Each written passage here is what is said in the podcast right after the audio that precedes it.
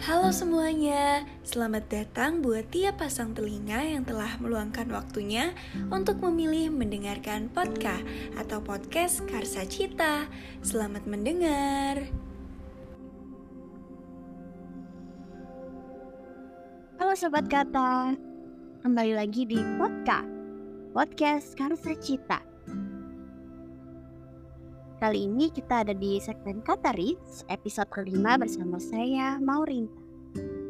Di Kata Ritz episode kelima ini, saya ingin membahas buku terbaru saya, Tempo dari Pap.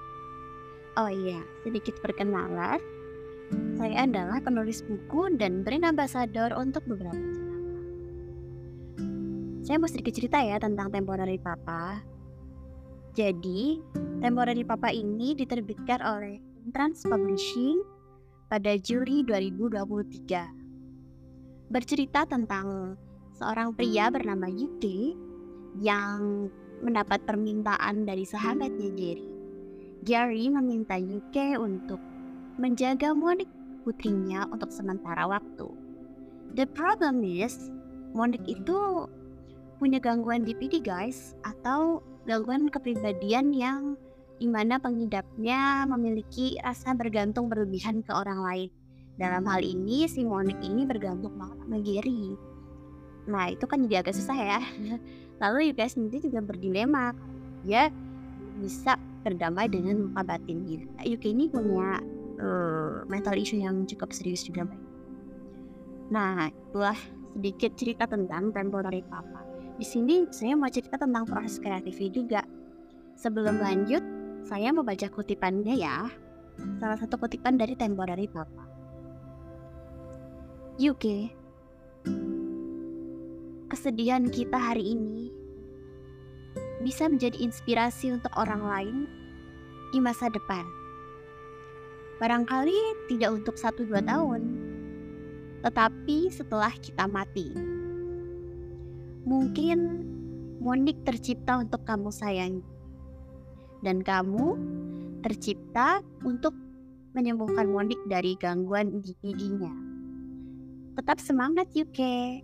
Aku peluk kamu dalam doa. Uh, dalam banget ya kutipannya ya. Itu adalah surat Sofia untuk untuk Yuke Ernesto. Ya, kalau bicara tentang temporary papa, berarti tidak lepas dari tes saya karena sebenarnya Novel ini adalah produk penelitian untuk tesis saya yang berjudul Representasi Toleransi dalam Kumpulan Cerpen Bukan Perawan Maria dan pemanfaatannya untuk penyusunan buku pengayaan pengembangan kepribadian. Si variabelnya ada dua, yaitu toleransi dan buku pengayaan pengembangan kepribadian. Nah, si, tol, si temporary papa ini adalah bukunya buku buku pengayaan pengembangan kepribadian yang dimaksud. Dan karena memang saya sendiri concern ke buku-buku tentang toleransi beragama dan kesehatan mental ya makanya saya tulis gitu ceritanya. Novel temporary papa digarap dengan metode fiction based research atau penelitian berbasis fiksi. Kalau cerita tentang tesis dan temporary papa berarti juga tidak lepas dari sebuah buku lain. Ini apa membahas sedikit aja ya tentang kumpulan cerpen bukan perawan Maria. Buku tersebut ditulis oleh Phoebe Indirani dan itu uh, apa ya mengangkat tema yang disebut toler uh, toleransi ada relaksasi beragama juga.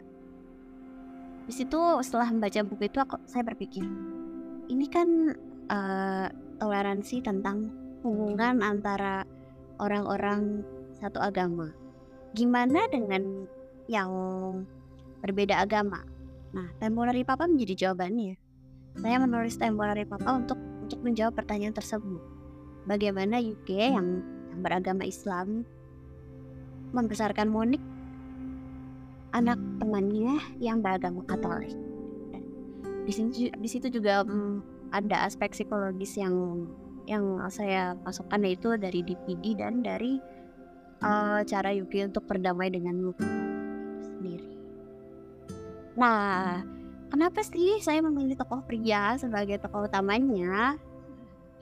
padahal saya wanita karena apa ya saya tuh bukan feminis guys saya juga udah bosan untuk uh, apa namanya buku disodori bacaan novel misalnya tokoh utamanya cewek lagi cewek lagi tokoh utamanya wanita lagi wanita lagi lah saya pengen sesuatu sesuatu yang baru sesuatu yang baru itu adalah menghadirkan pria sebagai tokoh utama atau bercerita dari sudut pandang pria gitu. Karena saya udah lama bertanya-tanya, kapan sih para pria tuh bangkit gitu? Kapan sih mereka jadi tokoh utama dan bercerita gitu? Apalagi saya sebagai orang yang bukan feminis tuh sering sering menjumpai gitu, walaupun tidak semua uh, para pria itu kalau ada kasus ketimpangan gender sering menjadi pihak yang disalahkan walaupun nggak semua ya gitu. Seakan semuanya salah laki-laki gitu padahal kan nggak tentu benar.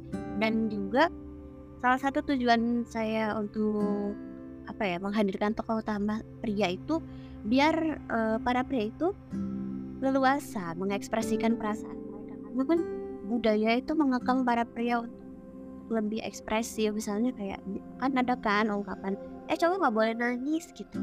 Eh cowok nggak boleh cewek gitu misalnya. Padahal kan ya sebenarnya boleh-boleh aja. Kalau laki-laki mau mengeluarkan air mata gitu lagi buat apa sih kelenjar air mata itu kalau nggak dipakai? Orang dan diciptakan Tuhan masa nggak dipakai? Gitu kan. Oke okay. makanya that's why saya apa ya menggunakan UK sebagai tokoh pria dan siapa UK Ernesto Tanti ini sebenarnya dalam kacamata saya tokoh utama kita UK ini bukanlah seseorang yang victim. Dia dekat, dekat, sedekat irama nafas, detakan jantung, aliran darah. Beberapa pola pikir dan sifatnya Yuki itu ada dalam diri saya. Yuki Ernesto Tandi diceritakan lahir di Surabaya pada 29 Juni. Saya menyebutnya pria yang kaya pengalaman hidup. Dia pribadi yang unik karena memutuskan uh, menjadi mualaf di umur 10 tahun ya sekitar ya saat kelas 5 SD wow anak SD udah jadi mualaf tetapi walaupun begitu uh, aktivitasnya tidak berubah dia tetap menemani saudara kembarnya Yun uh, ke gereja setiap minggu. Wah itu juga sesuatu yang ya menurut saya spesial.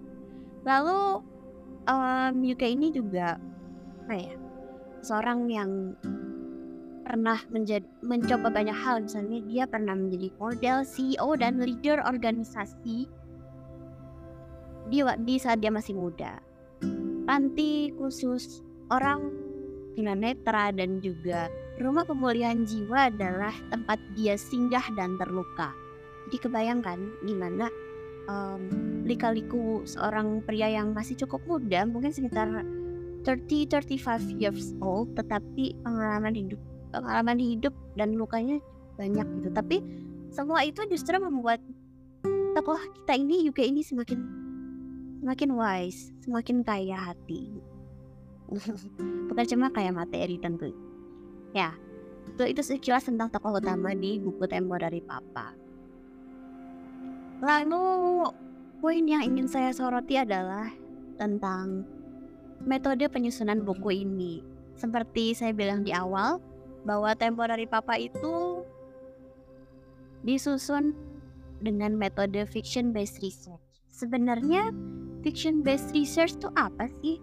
Jadi itu semacam cara untuk menuangkan hasil penelitian ilmiah yang akademik banget ke dalam bentuk karya fiksi populer. Dan uniknya, uniknya nih uniknya menurut saya metode fiction based research ini pertama kali justru dicetuskan oleh seorang sosiolog bernama Patricia Levy. Patricia Levy ini membuat juga contoh novel fiction based research berjudul Low Fat Love. Mengingat fiction based research ini masih baru, terutama di Indonesia, maka ini bisa jadi peluang baru untuk ranah penelitian sastra Indonesia pertimbangannya gini uh, misalnya kan dunia riset dan penelitian itu terus berkembang ilmu pengetahuan juga terus berkembang penelitian terus di mana-mana gitu ya. Tapi apa semua orang bisa mengaksesnya? Gimana dengan yang bukan yang bukan akademisi gitu? Gimana mereka bisa mereka bisa tuh mengakses jurnal terindeks Scopus gitu atau atau mengikuti konferensi internasional, mengikuti seminar internasional yang belum tentu banyak yang berbayar gitu dan berbayar bisa berjuta-juta gitu. Nah, semua itu jurnal, seminar tadi kan nggak bisa semua orang mengaksesnya ya. Makanya melaporkan hasil penelitian ke dalam ranah fiksi itu adalah sebuah solusi. Fiksi adalah kunci, kira-kira gitu ya maksudnya. Apa ya? Jadi melaporkan hasil penelitian kita nih ke dalam karya fiksi itu jadi sebuah cara biar orang awam, orang yang bukan akademisi, tahu perkembangan ilmu pengetahuan. Tuh. Nah, begitulah cara tempo dari Papa disusun. Jadi dari penelitian dulu, baru dibuat novelnya. Itu. Fiction based research sendiri ada tiga langkah, yaitu kombinasi pengungkapan teks dan seleksi. Pengungkapan teks itu maksudnya adalah um, apa ya? Kaitan-kaitan teks teks fiksi, karya fiksi dengan uh, permasalahan yang terjadi di kehidupan nyata atau pengungkapan realita. Kira-kira seperti itu. Tempo dari Papa hadir sebagai ruang aman dalam hal ini maksudnya adalah ruang aman untuk mengungkapkan hal-hal yang bisa dianggap sensitif atau kontroversial. Ya, seperti contohnya ada ada momen di mana tanya UK mengatakan, "Aduh, mendingan child free ya," gitu. Atau dia bilang, "Aku tidak menikmati loh," gitu. Merawat bayi sampai balita makanya aku nggak mau punya ada saat ada saat UK bilang seperti itu lalu juga ada momen ketika UK dan Munich bersama-sama membuat salib origami dari kertas dan menggantungnya di samping lukisan Ka'bah karena kan selain mental health ini juga ada kaitannya sama toleransi ya toleransi beragama. Terlebih kan UK sama Munich itu berbeda agama. Momen-momen itu bisa dibilang akan dianggap kontroversial apalagi ya kita waktu baru-baru ini juga kan sempat ada diterpa isu yang ramai ya mengenai sebuah sekolah agama yang dianggap kontroversial. Nah kira-kira ya tempo dari papa juga hidup-hidup seperti itu akan akan menjadi sesuatu yang kontroversial. Tetapi saya berharap bahwa tempo dari papa ini menjadi ruang aman. Ruang aman bagi kita untuk mendiskusikan hal-hal yang yang cukup berani tadi itu gitu. Tentang pandangan-pandangan itu. Dan juga tidak lupa tentang apa ya cara UK berdamai dengan luka batin so itu so important. No. Selain itu tempo dari papa adalah mencerminkan tokoh-tokoh yang memiliki toleransi tinggi misalnya kayak UK sendiri UK dan dua teman terdekatnya itu Gary dan Nata adalah pribadi yang mereka rajin bertahajud di sepertiga malam ketika orang lain masih berenang di kolam minggu. Namun mereka juga tidak segan namanya mempelajari agama lain, baca-baca kitab kitab agama lain atau menemani teman mereka yang berbeda agama ke, ke tempat ibadahnya poin yang ingin saya soroti adalah semakin kita dekat dengan Tuhan, semakin kita memahami dan menghargai orang-orang yang berbeda caranya dalam menyembah Tuhan. Seperti UK pernah bilang, dia lebih prefer menggunakan kata Tuhan dibanding kata Allah. Itu kenapa? Biar orang-orang yang berbeda keyakinan dengan dirinya lebih nyaman nggak nggak merasa terasing kalau kita misalnya memakai penyebutan Tuhan dengan penyebutan tertentu itu kan jadi nggak nggak universal gitu. Nah, itulah poin yang ingin saya sorot. Tempo dari Papa juga merupakan bagian dari gaya menulis cantik kalau saya.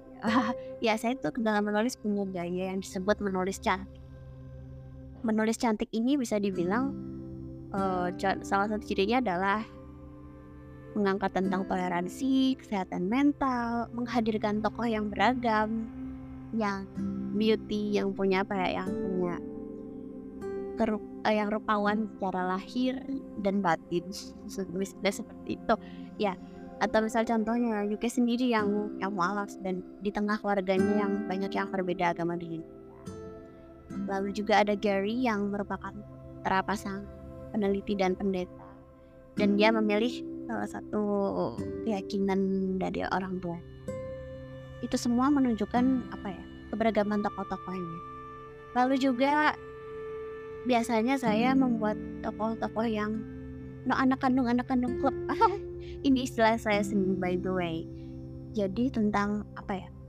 Tidak semua tokoh itu punya ikatan darah gitu. Bahkan banyak di antara mereka yang nggak punya hubungan darah sama sekali.